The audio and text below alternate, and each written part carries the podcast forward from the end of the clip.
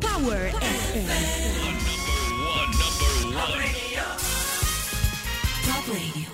Flash në Top Albania Radio. Informacionet kryesore të ditës.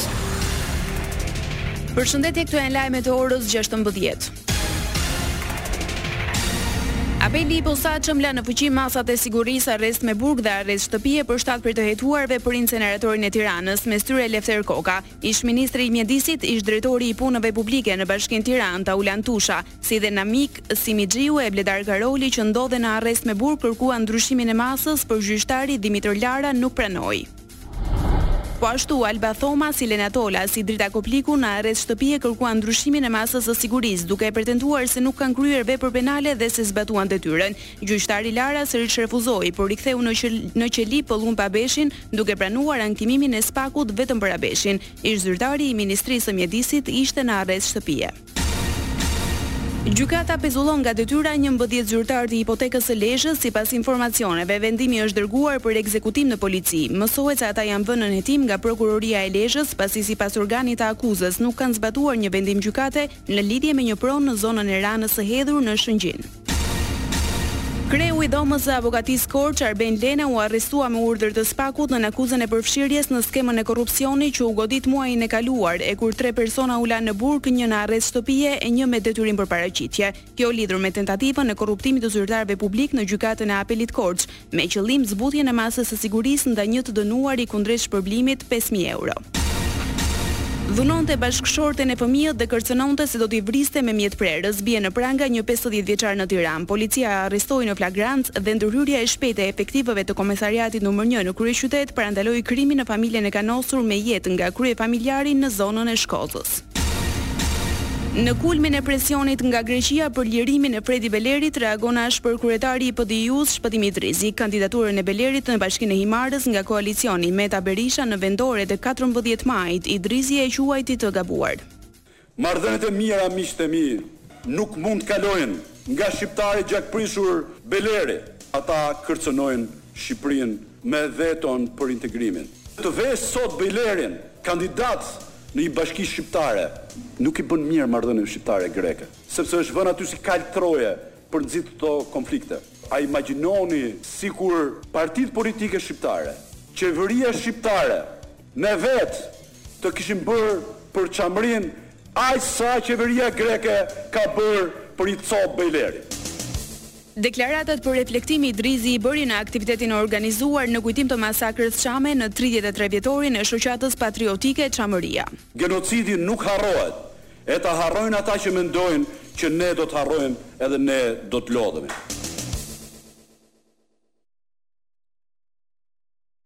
Në podcastin Flasim ku një çift shqiptaro-libanez ishin të ftuarit e radhës, kryeministri Rama foli mbi pjesëmarrjen e Shqipërisë në panairin ndërkombëtar të turizmit në Madrid të Spanjës. Ai vuri në dukje se vendi ynë po promovohej edhe në stendat e Argjentinës e të Kilit. Shqipëria po kthehet në atraksion të ri turistik, duke u promovuar edhe në shtetet e Amerikës Latine. Rama tha se tani vëmendja është te turizmi malor.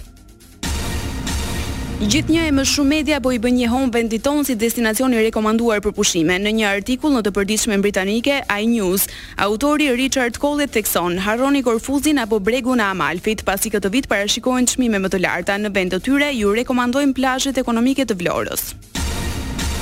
Me rastin e njëqind e një vjetorit të themelimit të institucionit të shërbimit pyjor në zonën e Shëngjergjit në kryeqytet, u mbollën dhjetë mijë fidanë akacie në një sipërfaqe prej katër hektarë. Aksionit iu bashkua sot edhe kryetari i Bashkisë së Tiranës, Erion Veliaj. Dhe dhjetë mijë po i mbjellim sot, të tjerat në vijim. Me atë që shohim përballë, është në fakt pasqyra ku duhet të shikojmë veten. Të shikojmë veten si shoqëri dhe të kuptojmë që i kemi bërë natyrës atë që s'i bëhet hasmit. I kemi prerë vetë pyjet, i kemi rrënuar lumenjtë, i kemi gërryer kodrat. Kështu që në këtë sens po ne vetë do të duhet që t'i kthejmë natyrës, t'i kthejmë vendit, t'i kthejmë shoqërisë, t'i kthejmë atdheut këtë borxh. Veliaj komentoi nismën e Bashkisë Tiranë për mbjelljen e pemëve të reja. Duket komplet pa sens edhe debatet që patëm këtë vit, sa pemë u mbollën, u mbollën nëntëqind mijë apo një milion e qind mijë. Sigurisht, po të rrish tërë ditën kolltuk e të jesh analist nga krevati edhe të rrish tërë ditën nëpër rrjetet sociale, nuk mbillen pemët. Ne e kemi fuqinë të transformohemi, e kemi fuqinë të mendojmë ndryshe, e kemi fuqinë të bëhemi europianë edhe pa hyrë zyrtarisht në Bashkimin Europian. Veliaj shtoi se studentët e Universitetit Bujqësor të Tiranës do të kenë mundësi të kryejnë praktikat mësimore në Kopshtin Botanik. Lajme nga bota. Në vitin dy mijë e pesë, Asambleja e Përgjithshme e OKB-së miratoi një rezolutë që shpallte njëzet e shtatë janarin si Ditën Ndërkombëtare të Përkujtimit në nderim të viktimave të Holokaustit. Kjo ditë përkujton miliona viktimat e politikave të gjenocidit të Gjermanisë naziste që u kryen gjatë Luftës së Dytë Botërore si dhe përqendrohet në përpjekjet bashkëkohore për të luftuar urrejtjen dhe antisemitizmin. Presidenti Bajram Begaj shprehet se në ditën e përkujtimit të Holokaustit ne reflektojmë mbi miliona njerëz që u persekutuan dhe u zhdukën në një prej periudhave më të errëta të njerëzimit. Roli i Shqipërisë për të shpëtuar hebrenjtë nga tmerret e Holokaustit është i ditur botërisht. Shtatëdhjetë e nëntë vjet pas çlirimit të kampit famëkeq të Aushvicit, kancelari i Gjermanisë, Olaf Scholz, sot shprehu shqetësimin e tij lidhur me konstatimet për rritjen e prirjeve të ekstremit të djathtë në shtetin gjerman.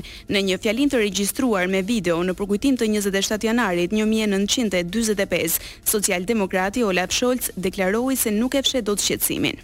Kjo është Top Albania.